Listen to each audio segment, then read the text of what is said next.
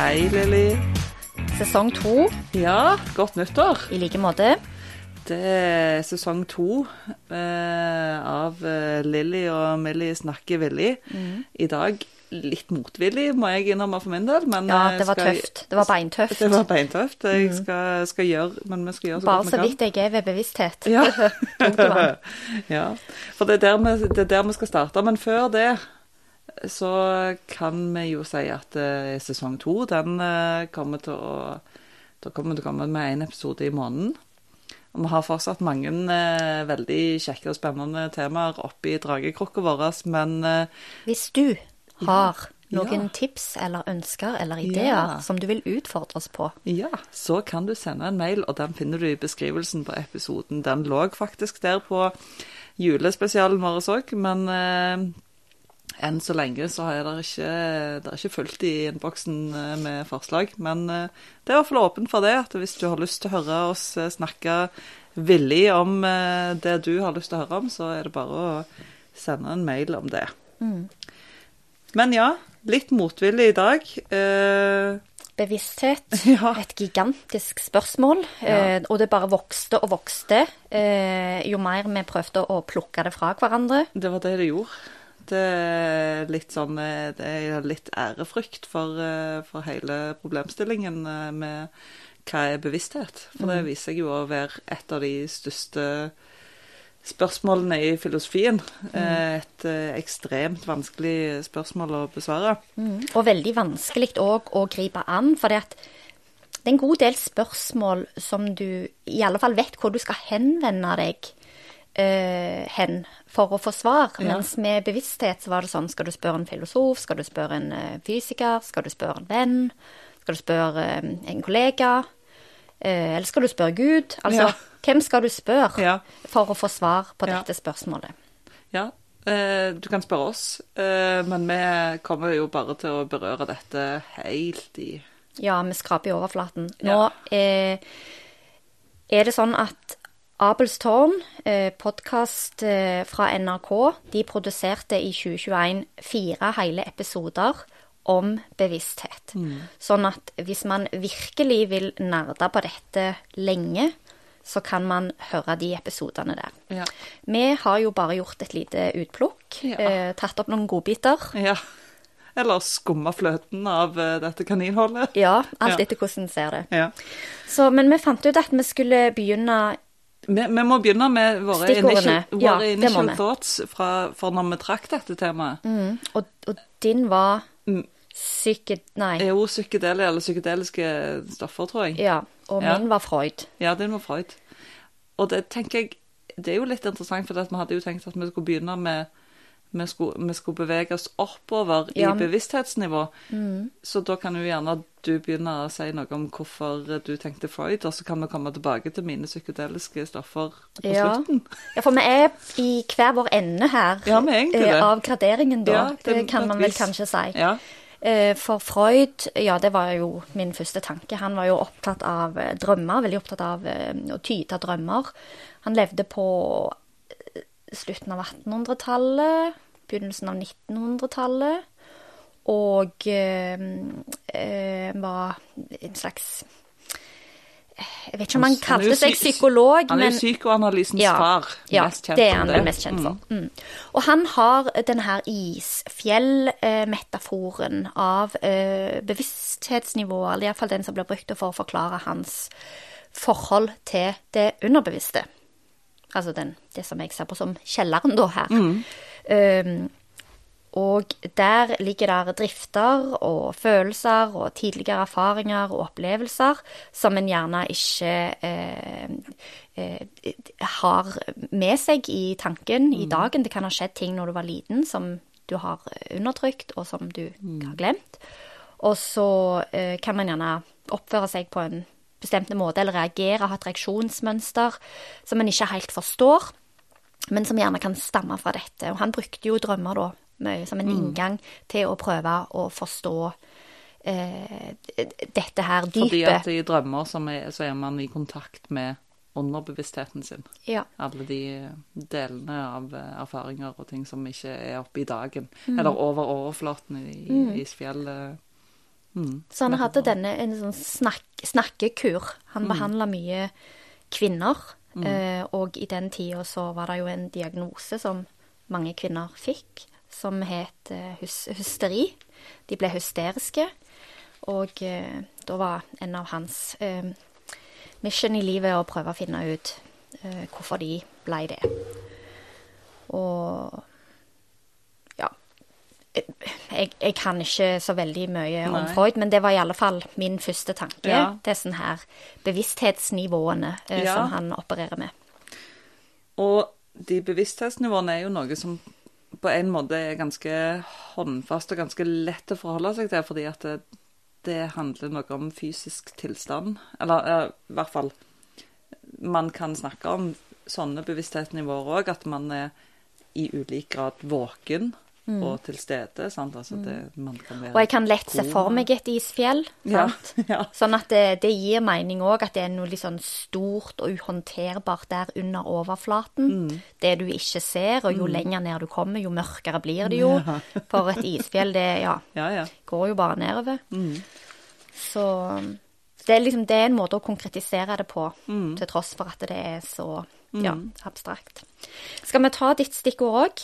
Eller skal vi holde oss her i, eh, Vi, i vi kan holde oss litt i dypet, tenker jeg, og så kan vi heller gå opp For dette der er jo um, Der er noe uh, Du fortalte meg eh, om eh, Aristoteles eh, Ja, sine Og det er jo noe jeg syns er interessant, at det, den, en slags stigemetafor Ja. Virker til å ha blitt brukt uh, tidligere òg. Han eh, Einar Duinger Bøhn, som er med i denne her eh, podkasten, NRK-produksjonen, sammen med en eh, zoolog som heter Petter Bøckmann, og en nevrofysiolog som heter Johan Storm. De er iallfall med i, i, i noen av episodene. Og så er også Ingar Strømke med i, i den fjerde episoden når de snakker om kunstig intelligens. Men han, eh, Duenger Bøhn, som er filosof, han snakket om, skal vi se her, om Aristoteles sin forståelse av eh, ikke nødvendigvis bevissthet, men hva det er som skiller Altså denne graderingen, da. Han sier at du har den vegetative fasen, som handler om å ta til seg næring. Som eh, planter, dyr og mennesker deler.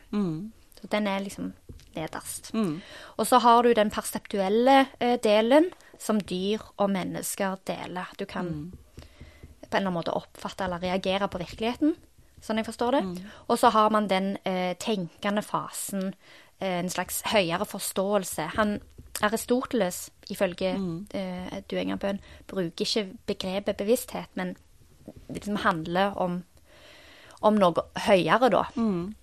Det er jo litt spennende, fordi at den eh, De tre der er jo nesten Går nesten an å tenke parallelt som den tredelte hjernen vår. Ja. Fordi at vi har liksom hjernestammen, eller reptilhjernen, eller den der eh, rene instinkt-greiene, og det som styrer det fysikalske i kroppen. og F.eks. det å ta opp næring og, og sånne ting. Det som vi ikke kan styre, men som bare er liksom Den, den er helt autonom og bare ja, styrer sånne ting som refleks og sånn. Eh, og så har vi i midten så har vi liksom følelseshjernen, som utvikles hos mennesker i, fra liksom toårsalderen og sånn. sånn det er at noe er, noe er dumt, og noe er bra. Noe, og det er jo Dyr har jo den. Sant? Altså, da er det den perseptuelle. Sant? at Den sansegreiene er jo med der. Eh, og så har du den ytterste Altså eh, eh, Tenkehjernen som, som er der man kan liksom ha en opplevd bevissthet. Er det det man nå kaller for overskuddshjernen på Eh, folkemunne? Jo, kanskje. Muligens. Ja.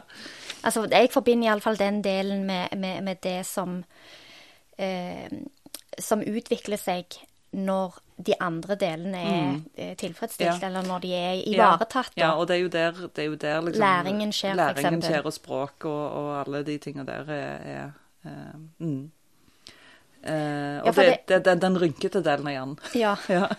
sånn utseendemessig. Ja, og til mer rynket der er, til, til mer tenkende er vesenet. Men så, det òg er interessant, syns jeg, for det at eh, når man skal prøve å finne ut sånn da hva bevissthet er, Eh, så øh, virker det òg som at man øh, Altså at det òg blir brukt synonymt med ordet hjernen ved en del anledninger. Men hjernen er jo et konkret øh, organ. Du kan ta på det og se det, og ja, det fins der. Du kan det, ta det fra hverandre og kikke oppi det. Mens bevisstheten kan du ikke det med. Nei. Og jeg så òg en sånn The Economist har noen kjekke sånne videoer på, på YouTube der de tar for seg ulike temaer, og en av de var annet What is consciousness? Og da var det en forsker som snakket om det uendelige universet, og at hjernen Han brukte òg det ordet, hjernen. Eh, eh, hjernen eh, kan sammenlignes med universet.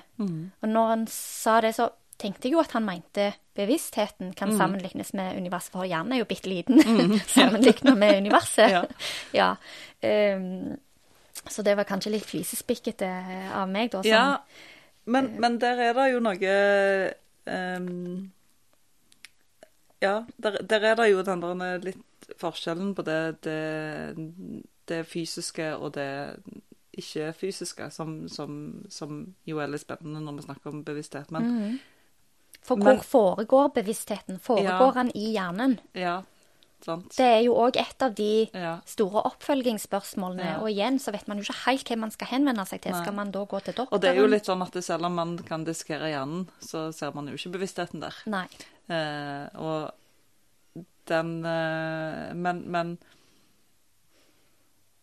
Men jeg kom på Jeg hadde lyst til å ta en bitte liten avstikker før vi går videre på, på det sporet der. Ja, vær så god. Fordi at eh, når vi snakker om den Altså eh, Aristoteles vegetative. Ja. Sant? Vegetativt og vegetable. Sant? Ja. Da er vi på planter. Der er jo de som eh, tror at planter òg har bevissthet. ja.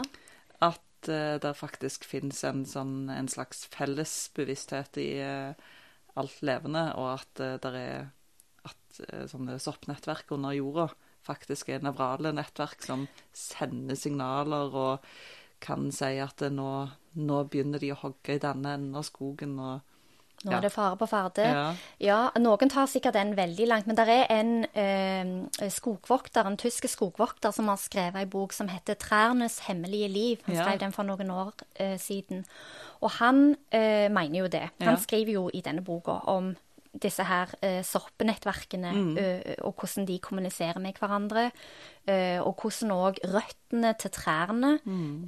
gir beskjed til hverandre. F.eks. nå er det bladlusinvasjon, sånn at de kan sende ut sånne Sett- giftstoffer Ja, som gjør at bladlus ikke vil Ja. spise de. Ja, Så de kan på en eller annen måte være med og advare hverandre og snakke til hverandre, og at de òg tar vare på hverandre, at de viser omsorg for hverandre. Sånn litt sånn Det heter vel ikke menneskeliggjøring, er det besjeling? Ja, Ja. et ja. Ja. I alle fall Og- gir de litt sånne Ja. egenskaper da, som man gjerne tenker er forbeholdt eh, Men en liten fun fact helt på sida er jo verdens største organisme, verdens største levende ting, er faktisk et sånn et soppnettverk som eh, strekker seg over flere delstater i Nordvest-Amerika. Fascinerende. Ja. Dette høres ut som en film jeg har sett som heter La meg uh, lete litt. Stranger Things. Ja, ja. Sant. ja. Men, eh, men, men det er helt back, da. Eh, Men, men da For jeg tenker at bevissthet er òg knytta til menneskets etikk. Mm. og hvis trærne Sier du at en sopp ikke har etisk bevissthet? Ja, jeg, jeg tenker at han har jo ikke det. Ja, unnskyld, det var ikke meningen å Nei, avbryte. Men, men hvis han har men, men altså hvis en, men hvis en sopp er bevisst, og hvis et tre er bevisst, så sitter de jo mye lenger inne og spikrer opp en plakat på et tre. Mm. Enn eh, og, og jeg tenker at mange av de store etiske spørsmålene man har, både ved begynnelsen av livet om abort og i slutten av livet med aktiv dødshjelp, handler jo ofte om bevissthet. Jeg Eh. på en plass en gang faktisk der eh, vi skulle henge opp ei basketballkorg Ja. på et tre. og vi kunne ikke bruke spiker nettopp pga. Dette her. Nei, OK. Det var noen som mente at Det... Og det som òg er kanskje enda morsommere, det var at eh, vi hadde rotteinvasjon eh, i hønsehuset. ja. Eller i hønsegården, eller hvor det var. Og det ville vi jo ikke ha. Og da eh, var det Den som vanligvis pleide å handle på butikken, kunne ikke handle på butikken fordi hun kunne ikke ta livet av rotter. Sånn at jeg måtte dra på butikken og kjøpe rottegift fordi Ja. Oh, ja. Så det var en veldig sånn Ja, eh, sant. Mm, men det ble en tullete digresjon. Men jeg syns det var interessant. For meg var det jo ganske lærerikt at å ja, du bare kan ikke bare sette inn spiker. Ja, kan ikke bare kjøpe noe rottegift. kom på akkurat når du sa det, faktisk, at det, når jeg hadde naturfag på lærerhøgskolen, så satte vi opp eh, fuglekasser, og da var det veldig viktig at vi ikke spikra de opp, vi brukte eh, ståltråd Ja, rundt treet. Det gjorde vi òg. Men, eh, Men ja. det, ja, man kan jo forstå det at det, det men det er jo Men det er allikevel noe der som handler om, eh, om eh, etikk og bevissthet. Eh, og det samme med hvis man tenker på intelligente ting, altså en AI eller datamaskin. Eh, der òg er det jo det, Vi møter jo problemer når de skal ta etiske vurderinger, f.eks. den klassiske fem gamle damer eller mm, ei eh, unge dame med ei barnevogn. mm, Eh, så der er, der er jo Og i den um, Einar uh, Duengen Bøhn sier i den um, Einar Abelstårn-episoden han snakker om um, intelligens mm, uh, versus bevissthet, mm, og at uh, liksom forskjellen er at intelligens kan du, du kan trene opp gjennom litt sånn atferds... Uh, akkurat som en datamaskin. Mm. Du kan mate den med informasjon. mm, og trene den opp til å gjøre komplekse, løse komplekse problemer. mm, Men um, det å ha forståelse og erfaring for noe, det er Ja, det er litt vanskeligere Mm. å mate eh, noen med det.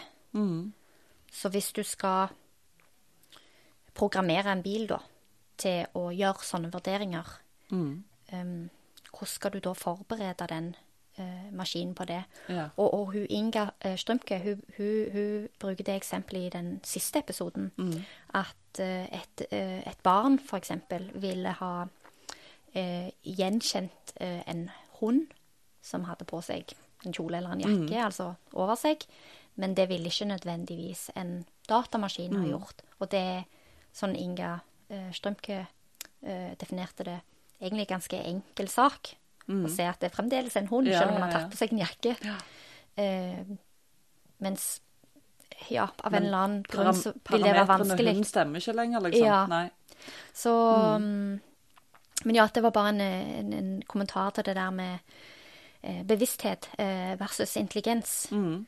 Og eh, at intelligens kan trenes, at det er knytta til, til atferd. Mm. Mens eh, erfaring er knytta til Eller bevissthet er knytta mer til erfaring og forståelse. Mm. Sånn han definerte det. Jeg syns det var en veldig fin, eh, Ja, forståelig definisjon for meg, iallfall. jeg eh, eh, Når jeg på en måte lærte litt om at dette her eh, bevissthetsspørsmålet er det største i Eller et av de største i, i eh, filosofien, eh, så Eller et av de største filosofiske spørsmålene, liksom, hva er bevissthet? Eh, så var der, eh, leste jeg om et sånn skille man gjør mellom tilgjengelig bevissthet og opplevd bevissthet. Mm. Kan du forklare? Eh, Jeg skal prøve så godt jeg kan, men jeg syns det er sykt vanskelig. Eh, men tilgjengelig bevissthet er Mye av det vi har snakket om, er, er det allerede. Altså den der Det som det går an å, å observere eh, og se liksom grad av våkenhet, sant, eller eh, Og det, det, det står jo i forhold til noe annet, da. Sant? Altså at det, man, man snakker om grader av bevissthet. Og det, det har på en måte en sånn funksjonalistisk eh, eh, side ved seg, da, at man, man kan si at noe er mer bevisst enn noe annet. Eh, noe mer woke enn noe annet, for eksempel. For eksempel. Ja, sant. Men, eh, men eh, eh, og, og der knytter seg noen sånne Et enk... Eh, der, er- der er en, en australsk filosof som heter Sjalmer, tror jeg. Um, som sier at det er på en måte to eh, problemer med å forklare bevissthet. Og det enkle problemet det er knytta til den tilgjengelige bevisstheten. Han heter David, eh, David Chalmer. Um, og uh, det enkle problemet det oppstår når man skal prøve å gi en vitenskapelig, naturlig forklaring av den tilgjengelige bevisstheten. Eh, for å gi en sånn en forklaring, så må teoretikerne, enten det er liksom filosofer eller nevrokirurger eller eh, hvem det måtte være vi spør, eh, gi en fullstendig funksjonalistisk redegjørelse for det mentale. Altså, det, altså hva, hva vil det si å være våken og bevisst, men med unntak av den der opplevde bevisstheten. For det er den andre typen bevissthet. Mm. Og den er knytta til det vanskelige problemet. Den opplevde bevisstheten, det er den bevisstheten som er liksom at jeg er her nå. Eh, jeg oppfatter dette, jeg er til stede, jeg eh, tenker derfor er jeg. Eh, Ja, kart må vi ikke glemme oppi dette. og, og det er eh, Det vanskelige problemet det oppstår altså når vi skal gi en vitenskapelig naturlig forklaring av opplevd bevissthet. Og grunnen til det er en kontrast til den der tilgjengelige bevisstheten. Eh, for det at eh, den funksjonalistiske beskrivelsen av tilgjengelig bevissthet, altså si i hva grad noen er til stede eller bevisst eller våkne, eh, det kan gjøres av en tredjeperson. Men den opplevde bevisstheten, den kan aldri gjøres. Det er en fullstendig subjektiv eh, opplevelse. Sånn at meg og deg kan se på en ting og være enige om at den er blå. Jeg kaller den fargen blå, du kaller den fargen blå, men jeg kan aldri vite om din oppfattelse av blå er helt lik min. Sant? For det er den der opplevde bevisstheten. Det er den umålbare varianten. Ja. Og det som er så eh, Det som er så eh, kjipt eh, med den, da, altså, at- er at det er For at dette her er vanskelige problemet skal løses, så må man svare på to spørsmål. Og det ene er hvorfor er vi opplevd bevisste? Og det andre er hva er det som er ansvarlig for vår opplevde, opplevde bevissthet? Ja. Hva er det som er ansvarlig for vår opplevde bevissthet? Ja, hva er det? Ja, Og da har jo løsningen vært gjerne å putte inn Gud. for eksempel. Ja. Ja. Eh, Eller et sort hull. Eller et sort hull, ja, jeg vet ikke. Nei. Men det er i hvert fall eh, Men, men vi er jo veldig raskt over i på en måte new age eh, Mm. New age og spiritualisme og, og helt helt andre ting eh, når vi kommer hit, da. Ja. Jeg husker jeg var fascinert av eh, den kombinasjonen av em, Det er en forsker som kommer fra Stavanger, og jeg har dessverre glemt hva han heter, men han forsker på universet. Og han eh, er òg Er det han som er religiøs og personlig kristen. Ja. Mhm. Um, og det var en av de tingene jeg husker jeg spurte han om en gang da når jeg snakket med han, at det, det var sånn Altså, for meg som, som ikke er religiøs, og for så vidt heller ikke veldig opptatt av universet, selv om jeg jo er fascinert av universet som som mange andre, eh, men, men den komboen av de to um, hva, er det, hva som gjorde at han De to, liksom. Ja. Det var Ja. sånn par, da. Eh, Ja. Han var forsker på universet og prøvde å forstå alt dette her mystiske. Sant? Men Men dette er jo nesten det paret som, som eh, opptrer i zombie-argumentet.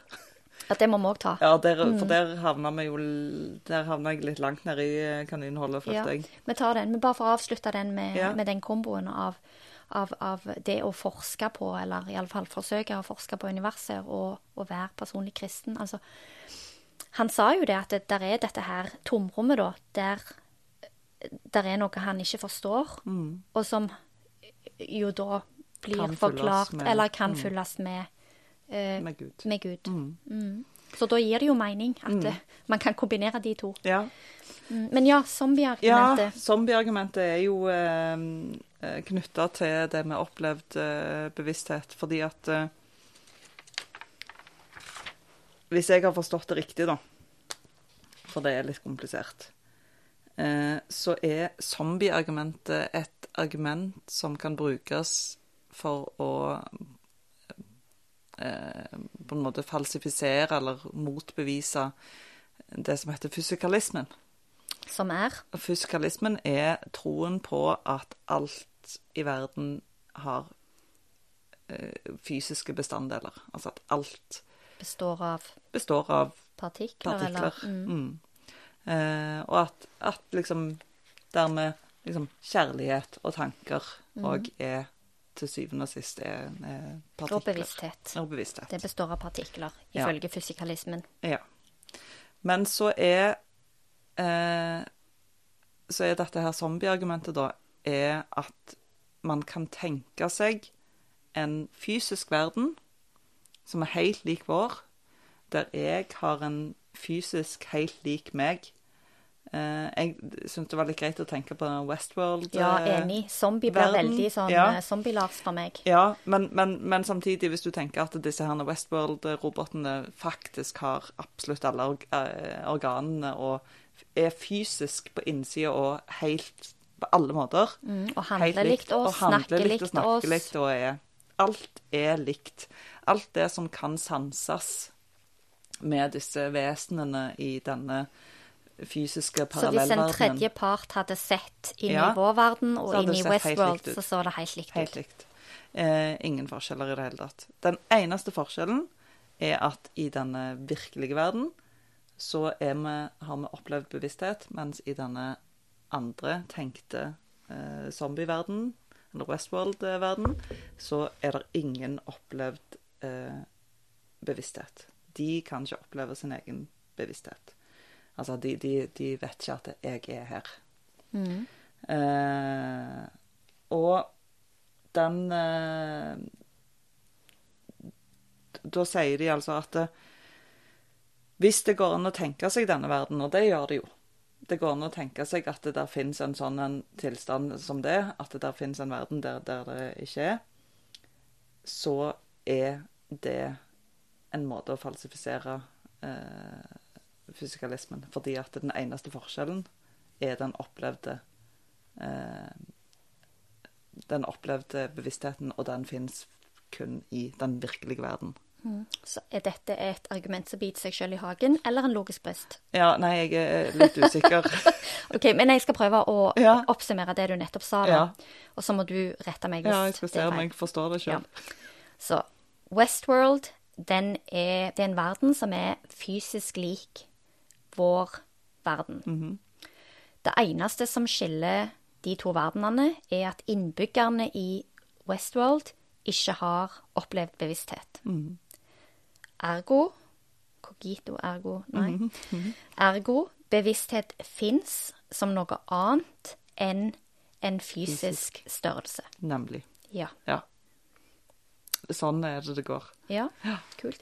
Men ja, der har vi jo òg Og så er det jo, ja, så tror jeg at det der for, Nei, vi skal ikke snakke om det, men det finnes noe som heter Matrix-argument òg. Det blir i neste Det blir en annen gang. Ja. Ja, vi kan Mm. godt ta en liten innom bare Descartes òg. Ikke at vi er filosofer, noen av oss, men vi har hørt om Descartes. Ja. Eh, og vi kan den setningen fra et spillpensum. ja, nemlig. Eh, enten er det cog cogito eller cognito. Cogito. Cogito. Der ser du. Mm. Jeg hadde nok kanskje slet litt med å stå på X-Fill i dag, men ja, cogito ergo sum. Altså, jeg tenker, derfor er jeg. Mm. Og han um, Descartes, han uh, så på, på, på sjel og kropp, eller liksom som hode og kropp, som to atskilte størrelser. Og der er eh, ei dame jeg er ganske opptatt av, som heter Siri Hustvedt. Og hun er opptatt av dette her paret, da. Altså, hun er ikke den eneste som er opptatt av forholdet mellom kropp og, um, kropp og sjel, eller kropp og hode, eller kropp Ikke kropp og hode, men jeg tror man kan si kropp og sjel, eller kropp og bevissthet. Eh, det er det jo mange som har vært opptatt før. Sånn. Hvordan Mm. henger de sammen? Eh, og eh, Descartes, ifølge hun, Hustvedt, eh, eh, så de litt sånn for mye fra hverandre. Mens hun tenker på de som Det blir litt sånn som med det med Freud igjen, sant? At det, det, kroppen, den, den fører med seg en del sånne kroppslige erfaringer som man tar òg med seg, og som blir tatt opp i bevisstheten på en eller annen måte. Og Siri Hustvedt hun er ekstra opptatt av dette fordi hun har personlig liksom opplevd at kroppen har oppført seg på en måte som hun kognitivt sett ikke kan forstå.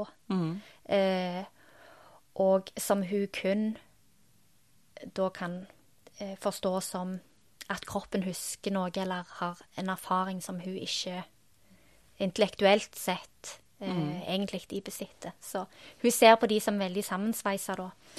Hun var ja, ikke så begeistra for at Descartes liksom delte de litt opp, da. Men Ja. uten kropp, eh, intet hode. Det hadde jo ikke vært så bra hvis du kappa Og igjen så er vi jo litt tilbake til, til de der, den dualismen, på en måte. Sant? Altså at det der er, her er Mm. det, der er to. Der er det fysiske, og så er det dette Mm. andre. Ja, dette andre, som eh, Um, er en abstrakt størrelse ja. Som, eh, og som, som, som, som du ikke klarer å gripe. som er, og som er på en måte de andre spørsmålene i det vanskelige, det vanskelige problemet be- med bevissthet. Sant? Altså hva, eh, hvorfor eh, opplever vi bevissthet, og, og hva, er som, hva er det som er ansvarlig? Og så eh, Og da kan vi jo komme inn på min første tanke, som var psykedelia. Men før du bare Ja. sier det, så vil jeg òg bare Altså, dette med at eh, Freud, det underbevisste eh, Det blir jo beskrevet som noe litt sånn mørkt, og ehm, eh, ser for meg Altså òg sånn Og utilgjengelig. utilgjengelig, ehm, og litt dyrisk.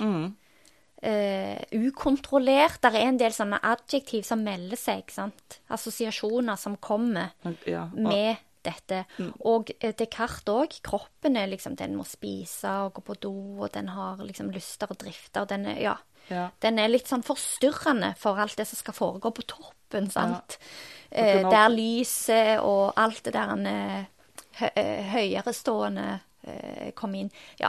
Nå- nå Dette blir veldig mine ja. assosiasjoner, og nå, nå, skal du få lov å ja, ta. Jeg skal, jeg skal, og, men nå, men nå fikk jeg et lite sidespor til da på veien, fordi at den Det fikk meg til å tenke på eh, Det er en, en gammel film fra 70-tallet, tror jeg, eller begynnelsen av 80-tallet, som heter Altered States. Den har jeg ikke hørt. Som handler om en mann som ligger i en sånn, en, sånn, en, sånn flytetank. Sånn eh, em, Der han liksom ikke kan sanse noen ting. Sant? Sånn, sånn typisk sånn som man Sånn New Age eh, sensory deprivation-tank. altså at du kjenner ingenting, hører ingenting, ser ingenting og sånn. Og da kan han på en måte gjøre en reise inn i seg sjøl. Og så ender han opp med å på en måte gå tilbake til en sånn primal tilstand og blir, eh, blir dyr igjen, da. Wow, det Ja. er litt annet scenario enn Stranger Things, for der har de òg en flytetank. Ja, de har det. De har det. Det er der de har stjålet den ideen Ja, fra. det, det er helt klart. Det, det Flytetank tror jeg var veldig stort på 80-tallet. Eh, men, men vi skal eh, Nå har vi jo vært snakket noe om at, det, at hjernen sant, Det går ikke an å, å på en måte dissekere den og finne bevisstheten der. Men, men hjernen har jo disse fysiske nervecellene som eh, Som der går liksom elektriske signaler gjennom, eh, og som er tankene våre, på et vis. Eh, Man bruker sånn teknologimetafor på akkurat det. ja, man gjør det, men, det, men det er er og- veldig ja. likt. For det sånne, sånn nevrale nettverk fins jo i datamaskiner, og de fins i hjernen vår. Og, Mm. eh, eh, og det, er, det er jo faktisk elektriske signaler som går mellom disse her synapsene i, i, eh, i hjernen vår òg. Um, og uh, jeg har uh, Har du hørt om han professoren som utfordra studentene sine til å utvide bevisstheten sin? Jeg tror du har fortalt om han Ja, En gang. Du ja. må nok bare ja. ta en repetisjon. Det en eh, Det en Det var en professor som, eh, som ville på en måte teste om han klarte å få eh, studentene sine mer kreative og smartere og tenke på nye måter og, og sånn. Så han gjorde et lite eksperiment med dem, der han testa de på forhånd, og så ba han de om å hver dag i en eller annen begrensa tid, jeg vet ikke hvor lenge, men i hvert fall hver dag så skulle de stå opp på en ny måte. Og det er ikke noe vanskeligere enn det. De skulle gå ut av senga på en ny måte. Skulle bare endre atferden ja, sin ja, bitte litt skulle hver liksom dag. Trilte kråke en dag, eller stå opp med den ene foten den ene dagen, den andre foten, gå gå ut med en arm først. Altså, Mm. de, fantasien var eh, grensene, liksom. Um, og, uh, så testa han de på slutten av denne perioden òg, og alle hadde Eller jeg, jeg husker ikke liksom resultatene sånn, men, men det, det hadde en effekt, da. Fordi at det som skjer eh, når man gjør eh, Når man faktisk utfordrer hjernen sant? altså det Vi har hørt så ofte at hjernen er en muskel, og man trener seg sånn. Når man utfordrer disse, så klarer man å få disse nervebanene til å ta nye veier. Det er òg eksempel på en, eh, en som eh, lærte seg å sykle med en sykkel som var motsatt. Altså at når han svingte til høyre, så gikk sykkelen til venstre. Å, fascinerende. Ja, det hørtes veldig klaustrofobisk ut. Ja, og det var, det var Jeg tror han syntes det var helt grusomt. Men resultatet ble jo at han kunne ikke sykle en vanlig sykkel etterpå. Ja, og det tok akkurat. kjempelang tid å lære seg det. Men det er jo altså læringen i hjernen som skjer. Og eh, det jeg tror at eh, man i liksom hinne hårde dager gjorde for å gjøre det samme, var gjerne å ta noen snarveier og spise noe sopp. Ja. Ja. Den upedagogiske upedagogiske Ja, den upedagogiske varianten. Eh, den ulovlige snarveien. eh, som òg på en måte eh, Og det, det var det var derfor min første tanke når vi snakket om Ja. bevissthet, var Du var liksom helt oppe jeg var, i, Jeg var helt eh, oppe i, i higher, overbe- ja, jeg var i higher- state of consciousness. Mm, og jeg var i underbevisstheten. Der det er jo ganske liksom- beskrivende for oss. Nemlig, sant. Der alle baner var åpne. Men så har jeg tenkt litt sånn Altså Hjernen er jo en fysisk begrensa enhet, uansett hvordan man snur og vender på det. Eh, og jeg tror jo ikke at bevisstheten vår Altså uansett hvordan man beskriver det, så er det i hvert fall ikke noe som er utenfor oss sjøl. Det er noe som skjer inni hjernen. Eh, enten det er liksom fysisk eller metafysisk, eller hvordan man skal si det. Sånn at det som man snakker om som en higher state of consciousness, eller høyere bevissthet, eller eh, For sjamaner eller eh, poeter på 60-tallet som klarte å, å eh, dykke inn i, i eh, nye, nye kreative vendinger. Eh, det de egentlig gjorde, var jo å dykke inn i sin egen Underbevissthet. Mm. Så dermed så er, tenker jeg at sirkelen er jo slutta, slutta her. Ja, aktivere, aktivere underbevisstheten Ja. og komme opp. Høyere kommer opp. Ja. You have to go down to get up. Så da eh, Hva anbefaler du? Sopp eller å stå opp på Jeg anbefaler helt klart å stå opp på en feil fot hver dag. Yes. Eller rett fot hver dag. Ja. Nei, men veldig bra. ja. Vi fikk jo en liten Da fikk vi lagt inn et råd eh, òg, Ja, der på slutten. det gjorde vi. Prøv noe nytt. For å bli smartere og få eh, eh, Og så kan du sette på den der Josh Wink-sangen, her og sitte og, kanskje kan jeg. og danse litt mm. med det Jeg, samme. jeg følte jo at det var litt som å stå på ei, ei ny side av senga i dag, bare det at vi skulle ha eh, om, om dette temaet. Ja, ja, ja. Så nå er jeg veldig spent på hva du har tenkt å trekke opp av dragkrok, Ja. for jeg tror det er din tur. Det skal jeg gjøre. Mm. Skal vi se Det er det vakreste ord på jord, Lillian. Jobb? Nei. Å nei. Kjærlighet. Å, selvfølgelig. Ja. Meg og deg, Sissel Kyrkjebø. Initial thoughts? Om kjærlighet. Mm. Ja, altså, det er jo fysikalismen. Oh, Ja. Oi.